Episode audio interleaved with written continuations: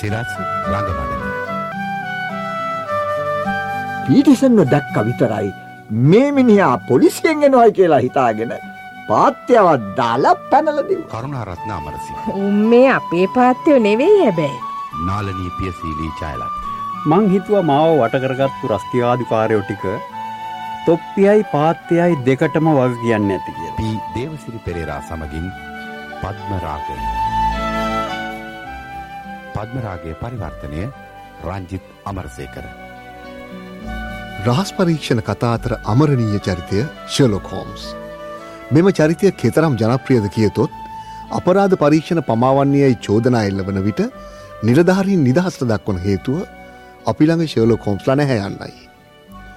වෛද්‍යවරයකු ශ්‍රීමතාත කොනන් Doyle මෙම චරිතය නිර්මාණය කළේ අපූරු නිරීක්ෂණ ශක්තියක් ඇති තම දේශකයකුගේ චරිත ලක්ෂණ අනුවයි. රහස් පරීක්ෂණ කතා කියවන්න අතර කොනන් ඩොයිල් ගැන නොදන්නායකු හිටියත් ශර්ලොක් හෝම්ස් ගැන නොදන්නායකු සිටිය නොහැකි. මෙම කතා ලිවීමෙන් වෙහෙසට පත් කොනන් ඩොයිල් එක්තරා කතාවකදී ශර්ලොක් හෝම්ස් දිය ඇල්ලකින් වැටෙන්න්නට සැලැස්සූ විට පාටකයින් ඔහුට බැනවැදුනා. තවත් කතාවකින් ඔහු දිවි ගලවාගත් හැටි ලියන්නට කොනන් ඩොයිල්ට සිදුවනා. අද අප ඉදිරිපත් කරන්නේ කොනන් ඩොයිල්ගේ ද බ්ලූ කාබුන් කල් නම් කතාවාශ්‍රයෙන් සකස් කළ පද්ම රාගය.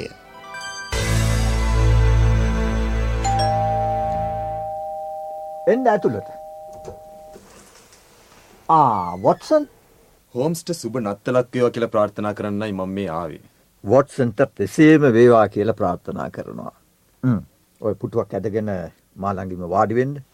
ඉතින් කොහොමද මේ දවස් දෙක තුනේ පරීක්ෂණ මුකුත් එහෙම නැද්ද?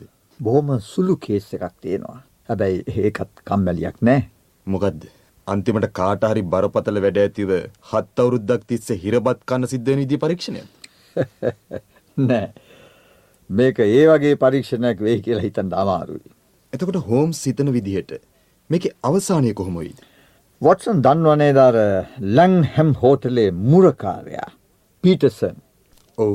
මන් දන්න තරමට නම් පීටර්සන් බොහොම අවංක මිනිස්සෙක්. අර සිහිවටනය මිනිහට අයිති එකක්. අර අර තොප්පිය? ඕක දිහා බලන්න ඕනේ කබල් තොප්පියක් කියලා හිතාගෙන නෙවෙයි.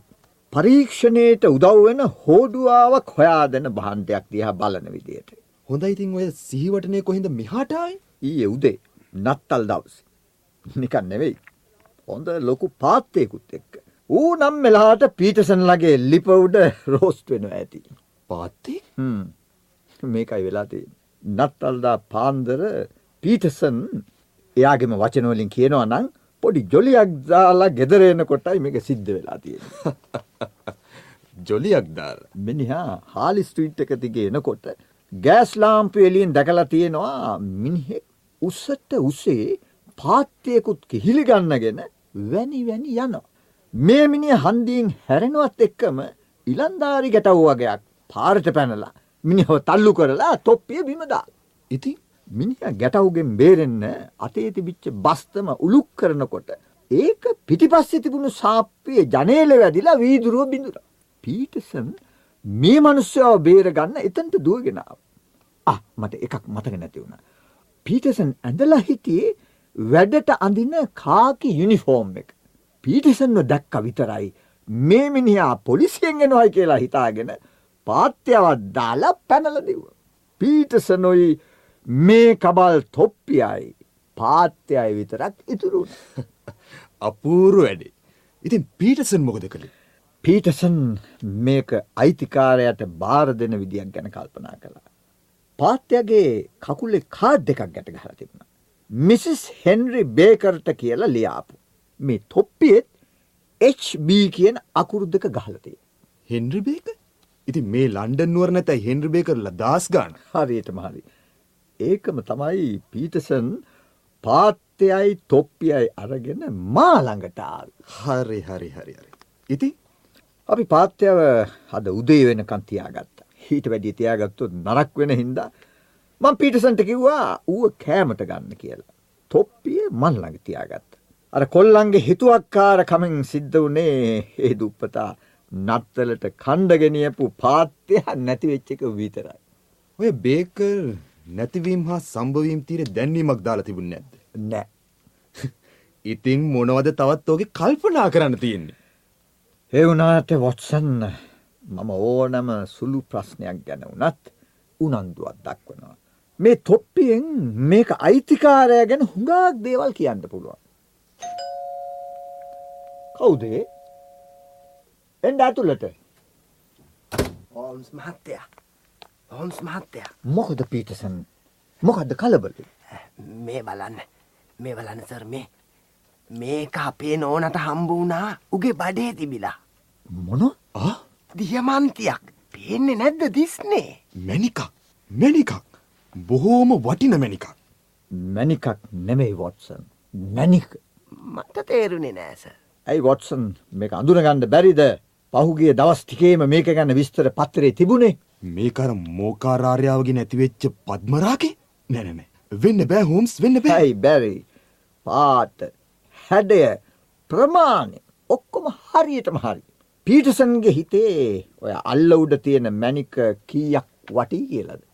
අනේ මන්දසර් මටෝ අය ගනම්මිනුන් තේරෙන්නේ නෑ. හැබැයි ඕක ඔය දෙනවයි කියන තෑග්ග වගේ විසි ගුණයක්කත් වටිනවා. තෑග්ගක්? කීයක්ද හෝම්ස් මහත්තයා පවුන් දාහක් පවුම්දාක් හද්දෙයනේ ඒක එතකොට හෝ පිටසන්. මැනික මේක. සොයාදුන් තැනැත්තා පීටස. පීටසන්ගේ වාසනාව පෑදුනා. නෑ. කොහෙද? කොහෙද පිටස නොක තිබුණයි කිවි පාත්තයාගේ බඩේ දොස්තර මහත්තයෝ. හෝම්ස් මහත්තය මට ගෙදර ගෙනියන්නයි කියපු පාත්තයාගේ බඩේ. හරි හරි ඒ හරිය ඔක්කොම මට කිව්වා. ඒත් මේ මැනික කොස්මොපොලිටන් හෝටලේ ආර්යාව හිටපු කාමරෙන් හොරකං කරලා කියලා නේද කතාව තිබුණේ. ඔව්. එතකොට එහෙමනම් පාත්‍යද හොරකම කරලා තියෙන.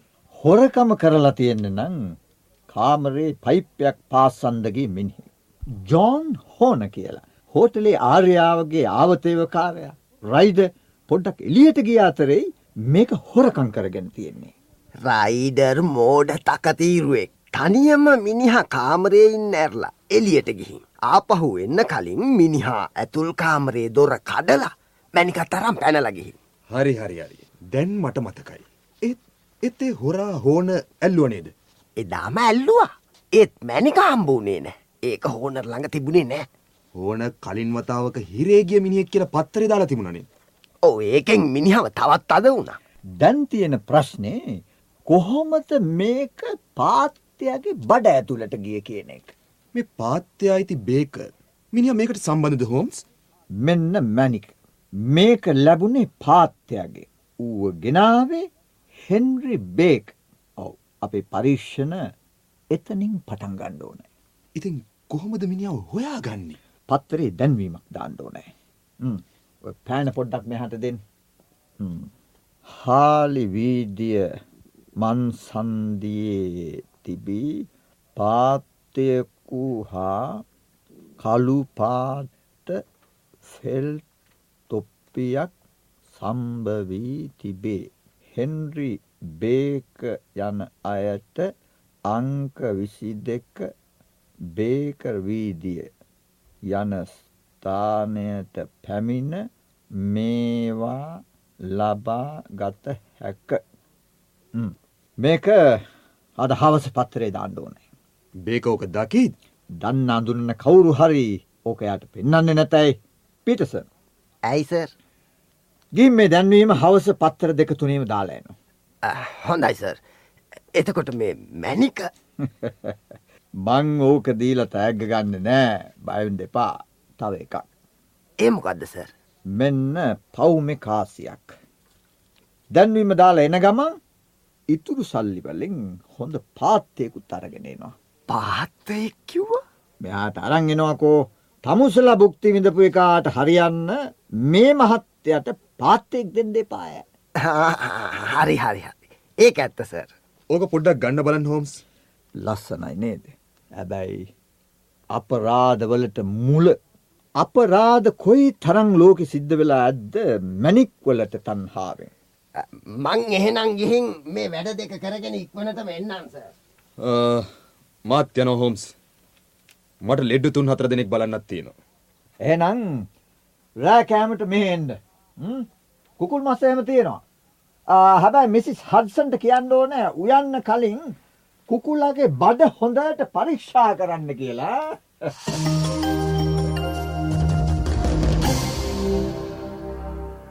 එන්න එන්න වොට්සන්. මම මේ මග බලාගෙන හිටි. මේ ඩොක්ටර් වොට්සන් මගේ මිත්‍රයා. ඒ වගේම මගේ හවුල්කාරයා. මේ මිස් හෙන්රි බේකර්. එයත් මේ ආවා විතරයි. මට පොඩ්ඩක් පරක් වුණා මේ අමාරු ලෙඩෙක් හිටියා. ආ ඒකට කමක් නෑ. මිස්ටර් බේකර් මේකද ඔහෙගේ තොප්පිය. ඔව් සර්. සමාවෙන්න ඕන කරදරයක් වුණා නම්. දැන් මෙහෙම ප්‍රපාතයට වැටිලා හිටියට මං ඉස්සර එක පිළිවෙලකට හිටපු මිනිහෙක්. මං හිතුවා මාව වට කරගත්තු රස්තියාදුකාරයෝ ටික තොප්පියයි පාත්තයයි දෙකටම වග කියන්නේ ඇති කියලා. ඉතින් තව කීයක් හරි වේදම් කරන්නේ මොටද කියලා දැන්වීමක් දැම්මේ නෑ. ආ ඒක හරි. ආ පාත්‍යව නම් අපිට කන්ද සිද්ධ වුණා. කන්න සිද්ධ වුණා. ඔව් එහෙම නොකලනම් කුණු වෙලා කාටවත්ම වැඩක් නැතු යනවා. හැබැයි අපි වෙන පාත්තෙක් ගෙනාව මිස්ටර් බේකර්ට. ඔය සයිඩ් බෝඩ් එක උඩ තියෙන්නේ. බොහොම ස්තුතියි. බොහොම ස්තුතියි සර්. මිස්ටර් බේකර් ගෙනාව පාත්තයාගේ පිහාතු කකුල් ගොජුරේ හැම අපි අරන් තියලා තියෙන ඕන නම්. ආ ඒවා ඉතින් මට මොකටද මේ වෙච්ච ඇබැද්දිය මතක් වෙන්න සිහිවටනයක් විදිහට තියාගත්තොත් මිස. ඒක ඇත්ත. මෙන්න මිස්ටර් බේකර්ගේ පාත්තයා. හ්ම් මෙන්න තොප්පිය. මං කොච්චර ස්තුති කළත් මදි සර්. ආ මේ කොහෙන්ද ඒ පාත්තයා ගත්තේ? ම්ම් මාත් සුමානකට දෙකකට සැරයක් පාත්තෙක් ගේනවා. හැබැයි ඒ තරම් හොඳ පාත්තෙක් නම් කවදාවත් හම්බ වුණේ නැහැ. ඒක ඇත්ත. අපි ওই පාත්තයෝ ගන්නේ කටුගේ ගාව තියෙන ඇල්ෆයින් කියන තැන. දන්නව ඇතිනේ එතන? ඔව් ඔව් මන් දන්නවා. ආ. අපි නත්තරට පාත්තයා ගානේ ගන්න සුමානෙකට සිලිම ගානේ සීට්ටුවක් දැම්මා. ඔය ඒකෙන් ගත්ත පාත්තයා. ආහා අපි දීපු එක සෑහෙනවද මන්ද? මේ මොනවා කියනවද සර්? මං ඌ ගැන බලාපොරොත්තු අත්හැරලයි තිබුණේ. කොයි තරම් උදව්වද මේ කළේ. එහෙනම් මේ මාතෘන්ගේ කාලේ තවත් කාදමන්න ඕනේ නෑ. මං ගිහින් එන්න. හොඳයි ගින් එන්න. දැන් එකක් පැහැදිලි. මේ මිනිහා බේකරන මේ හොරකම ගැන කිසිම දෙයක් දන්නේ නැහැ. වොට්සන්ට බඩගිනිද? නෑ. ඇයි හෝම්ස්? එහෙනම් අපි පරීක්ෂණ පටන් ගමු. වහාම ක්‍රියාත්මක වෙන එක නුවණට හුරුයි. ඇල්ෆා ඉන්න එකේ මේ වෙලාවේ නම් සෙනග කවුරුවත් නැති පාටයි. එනස සෙලට මොනවද ඕනේ? අපිට ඇවිදලා ඇවිදලා හරි මහන්සි. හොඳ උණු උණු කෝපි දෙකක් බිව්වොත් නම් හොඳයි. හරි සර්. ඔම වාඩි වෙන්න. මිනිත්තුවෙන් දෙන්න. වාඩි වෙන්න නම් ඕන නෑ. හැබැයි කෝපිත් ඔහේගේ පාත්තුවේ තරමටම හොඳ නම් අපේ සල්ලි අහක යන්නේ නෑ. පාත්තයෝ කිව්වා? මගේ පාත්තයෝ? ඔව් මේ දැන් පොඩ්ඩකට ඉස්සෙල්ලා අපිට හම්බ වුණා මෙහෙන් පාත්වය ගන්න එක්කෙනෙක්. හෙන්රි බේක කියලා. ආ බේකරුන් හැද කිව්වේ? ඔව් මෙන්න කෝපි දෙක. උන් මේ අපේ පාත්තයෝ නෙවෙයි හැබැයි. ආ එහෙමද? ඔව්. අපි මේ පාත්තයෝ ඇති කරන්නේ නැහැ. කාගේ වුණත් හොඳ අපූරු පාත්වයෝ. කොහෙන්ද හැබැයි උන් ගෙන්නන්නේ? අපි ඕවා ගන්නේ ඊස්ට් එන්ඩ් වල බ්‍රෙකන් රිච් කියලා හාදේකින්. බ්‍රෙකන් රිච් කිව්වා? ඔව්. එයි මහත්තයා අඳුනනවද? ආ නෑ නෑ නෑ නෑ. ආ හොඳයි. අපි එනම් ගින් එන්නම්. ආ මෙන්න කෝපි දෙකේ සල්ලි. හොඳයි සර්. පාත්තයින් නැත. කළු කුන්නම් ඕන තරම් ඉන්නවලු. අද නම් හරිම සීතල දවසක් නේද? ඊතලයි කියන්නේ කිටි කිටි ගාලා ගැහෙනවා. ඉවර වෙලා වගේනේ. හෙට එළිවුණ හැටිය දෙන්නම් 500ක් වුණත්. හෙට මොකටද? අද වුමනාවට. අර එහා කඩේ බලන්න. මෙහේ පාත්තින්ගේ අගේ වර්ණනා කරපු හින්දායි අපි මෙහාටම ආවේ. වර්ණනා කොලා කිව්වා. ඔව්. ඇල්ෆයින් එකේ අපිට කිව්වේ. ආ ඔව්. එතෙන්ට අපි අරිනවා දුසින් දෙක තුනක්. හරිම ෂෝක් සත්තු. කොහෙන්ද හැබැයි උන්ව ගේන්නේ? ගේන්නේ? ඔව්. ඇයි මොකටද දහන්නේ? නෑ නිකන් දැනගන්න ඇහැවි. ආ එහෙමද? එහෙමනම් මං කියන්නේ නෑ කොහෙන්ද ගෙනාවේ කියලා. මේක හරියට මේ මුළු ලෝකෙම පාත්ව ඉන්නේ මෙතන විතරක් වගේනේ. එක මිනිහෙක් ඇවිල්ලා රටේ නැති ප්‍රශ්න අහලා අහලා දොට්ට බහිනවත් එක්කම තව මිනිහෙක් එනවා. තව මිනිහෙක්? අපි දන්නේ නෑ. තව කවුරුවත් ඇවිත් එහෙම ඇහුව වගක්. කිව්වත් නොකිව්වත් මං ඕන ඔට්ටුවක් අල්ලන්නම්. උන්නං පිටිස්සර ෆාම් එකෙව්. එහෙනම් ඔට්ටුව පරාදයි කියලා හිතාගන්න. උන් තවුම පාම් මෙහෙකෙව්. තවමි මමනං කීයටවත් විශ්වාස කරන්නේ. යාළුවා මං මේ බිස්තස් එක කොරන්නේ කොල්ල කාලේ ඉඳලා. ඇල්ෆා එකට ඇරපු හැම පාතයෙක්ම ටවුම එකෙක් ආං එක දැනගන්නවා. මොන බොරුද. මාවරවට්ටන්ට බෑ ඔහේට. මං පවුමක් ඔට්ටු අල්ලනවා. හරි එහෙමද ඕ මෙන්න පවුම කාසී. කෝ මේ ගැනුම් පොත හා විකුණුම් පොත.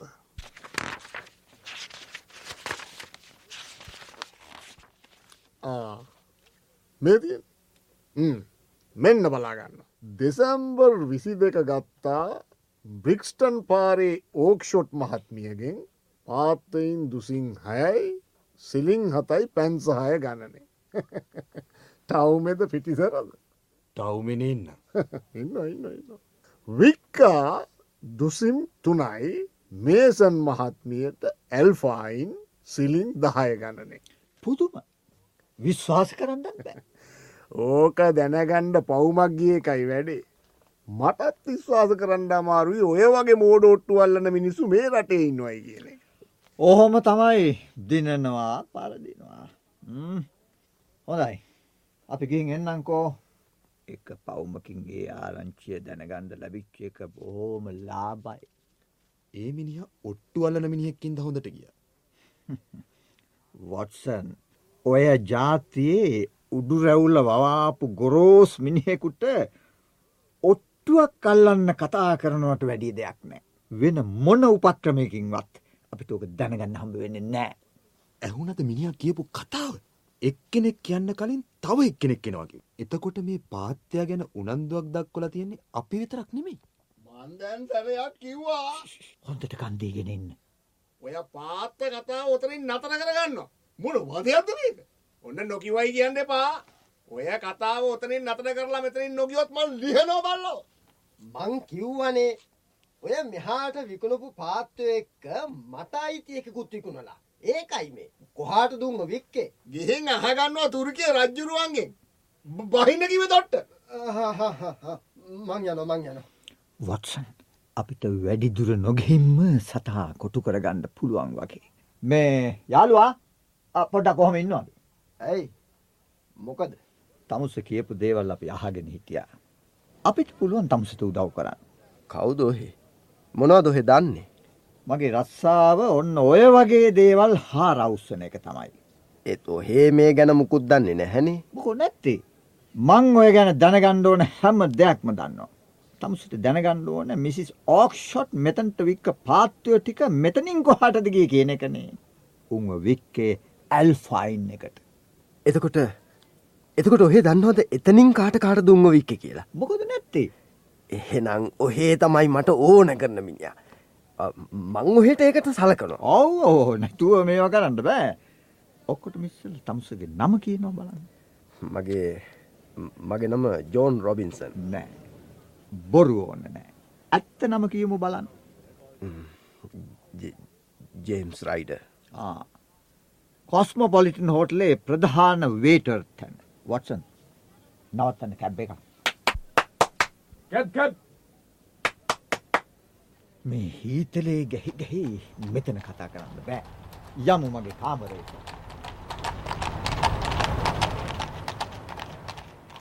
ආ, ඔහෙන් ඉඳගන්න රයිඩරුත් නෑ බොහොම ස්තුති දැන් ඔහේට දැනගණ්ඩ ඕනේ පාත්තීන්ට උනේ මොකොද කියලන්නේ ඔව්. හරියටම කියනවා නං අර වලිගේ කළු ඉරක් තිබුණු සුදු පාත්‍යයා ගැන. මතක දූව මොකද නැත්තේ? ඇත්තම කියනවා නම් මෙහාට ආව. මෙහාට? ඕ හොඳ අපූරු සතා. මන් දන්නවා තමුසේ මොකටද ඔය තරම් ඌ ගැන හොයන්න කියලා. ඌ මලාට පස්සේ බිත්තරයක් දැම්මනේ. ලස්සන චූටි වටකුරු දිල්ලිසෙන බිත්තරය තමුස තමුසි කවුද? මගේ නම ශලොක් හෝම්ස් රාස් පරීක්ෂක ශෝල කොල්ම්ස් ඔවරයිඩ පැනල යන්න හදන් දෙපා නැස නැස මොම් පැනලයන්න හදන්නේ නෑ ඔව ඒක නුවනට හුරුයි. අපිට කරුණු ඔප්පු කරන්න ඕන තරම් සාකි තියෙනවා. නමුත් ඒක තමුස්සගේ කටින්ම දැනගන්න එක වඩා හොඳයි. මට ඔය මැනික ගැන කිව්වෙ කැතරින්. කැතරි ආර්යාවගේ ආවතේවකාරි. එතකොට තමා කල්පනා කළා මේක ලැබුණොත් පෝසත් වෙන්න පුළුවන් කියලා. මම නෙමෙයි මේක මූලිකය. බොරු ඕනේ නෑ රයිද. තමා දැනගෙන හිටියා හෝන කලින් නීතියෙන් දනුවන් ලබාපු මිනිහෙක් විත්තිය. තම ආර්යාවගේ කාමරයේ වතුර කාන්දුවීමක් ඇති කරලා ඒක හදන්න හෝනර්වම යොදෝගත්තා. ඒ දුප්පතාව වැඩේ කරලා පිටත් වනා විතරයි තමා ආර්යාවගේ රත්තරම් බඩු පෙට්ටිය කඩලා මැනික අරගෙන එක හෝන පිටින් තියලා ඒ මිනිහව අත් අඩංගුවට ගන්න තැනට කටයුතු යෙදවා.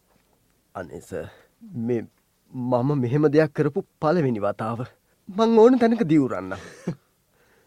අනේ ම උත්සාහිනං ගෙනියන්න එපා මගේ අම්ම ඒක තාත්තා අපි පස්ස තීරණය කරමු. දැන් කියනවා හොරකම කලාට පස්සේ සිද්ධ වනේ මොකොද කියලා. ඔව් කොහොමද මැනික පාත්‍යයාගේ බඩ ඇතුළට ගියේ? අනික කොහොමද පාත්‍යයා මස් කඩේට ගියේ? මං ඔක්කොම කියන්නම්. පොලිසිය හෝනව අත්තඩංගෝට ගත්ත ගමන් මම කල්පනා කළා ඊළඟට හෝටලේ වැඩ කරන අය සෝදිසි කරන්න ඉස්සෙල්ලා මැනික පිට කරන්න ඕන කියලා. මං කෙලින්ම අපේ අක්කලයි ගෙදරට ගියා. අපේ අක්ක බැඳලා ඉන්නේ ඕක්ෂොට් කියලා ෆාම් එකක් අයිතිකාරයෙක්. හරි හරි හරි හරි. පාරෙදි මට හැම මිනිහෙක්ම පෙනුනේ පොලිස්කාරයෙක් වගේ. මං හොඳටම බය වුණා. අක්ක මගෙන් ඇහුවා මොකද සුදු මැලි වෙලා කියලා.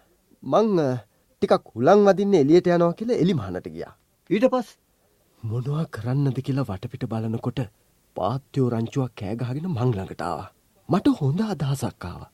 අක්කා මට කලින් කියලා තිබුණා නත්තලට පාත්තයක් දෙනවා කියලා. මං කල්පනා කළා එවෙලෙම මගේ පාත්‍යව තෝරගෙන ඌට මැනික ගිල්ලවනවා කියලා. පාත්‍යගේ බඩවැල් සෝදිසි කරන්න කවුරුවත් හිතන්නේ නෑනේ. බෝම අපූරුයි. එතකොට ඒකයි උනේ. ඔව්. මං එතනින් ලොකු පාත්තය කල්ලගෙන උගේ කටේ මැනික තිබ්බම. උ කිසිීම කරදරයක් නැතුව එක ගිල්ලා. ඒත් ඒක්කම පිහාටු ගහම් මම අතාරණි කල්ලම දඟලන්න පටන් ගත්තා. ඉතිං මම ගිහින් අක්කට කිව්වා මට නත්තලට අර වලිගෙ කළු ඉරක් තියෙන පාත්‍ය ඕන කියලා. අක්ක මට වූ අල්ලල මරල දුන්නා. මං ගෙදර ගිහින් පාත්තයක් කපල බැලුවාම මැනික නෑ. ඒක හරි. ඒ ගමන මොකොද කළේ. මම එක හුස්මට දුවගෙන ඇවිත් අක්කගෙන් ඇහුවා වලිගෙ කළු ඉරක් තියෙන තව පාත්තයක් හිටියද කියලා. ඉතින් මම එන්න මොහොතකට කලින් මේ මිනිහා බ්‍රෙකන් රිජ් ඇවිත් ඒ පාත්‍යයෝ ටික සේරම අරන්ගේ. මහත්තයනං හිනාවෙයි. මම ගිහින් බ්‍රෙකන් රිච්ගෙන් විස්තර ඇහුවා. ඒ මිනිහගෙන් වචනයක් ගන්න එක ගලෙන් පට්ටයක් ගන්නවා වගේ. මම දෙවිනි පාර්ටත් ගිහම තමයි මහත් එලමුණ ගැහුණේ. අන්තිමේ වෙච්ච ලාභයක් නෑ. උනේ මම හොරෙක් වෙච්ච එක විතරයි. හොඳයි රයිඩ. තමාට යන්න පුළුවන්. ස මංකිව්වේ තමාට යන්ඩ පුළුවන් කියලා. සනං දෙවියෙක් මගේ ජීවිතයට ආයෙත් මෙහෙම දෙයක් කරන්නේ නෑ මං මං යනවා. එහෙනම් හෝම් සොරට යන්න ඇරිය. ඔව් වොටසන්. තැන් රයිඩට බෑ හෝනට විරුද්ධව සාක්කි දෙන්න. ඔන්න එතකොට හෝනර් නිදහස්. ආර්යාවට මැනික ආපහු හම්බෙන. ඔව්. පළමු වතාවට වරදක් කරපු මිනිහෙකුට සමාවක් දුන්නට වරදක් නෑ.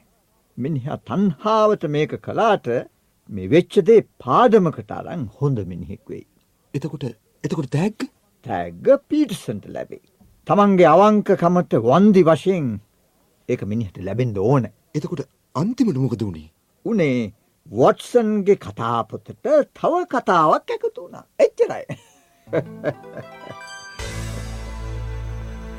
ඒ අවසන් වූ සිරස රංගමඩලේ අද රඟපෑවූ කරුණාරත්න අමරසිංහ නාලනී පියසීලී ජයලත් පී දේවසිරි පෙරේරා ශ්‍රීමත් ඉන්ද්‍රජිත් ලියනගේ හිලේරියන් පෙරේරා සමඟ රංජිත් අමරසේකර. පද්මරාගය රංජිත් අමරසේකරගේ පරිවර්තනයක් සිරස නාට්‍යංශය නිෂ්පාදනයක්.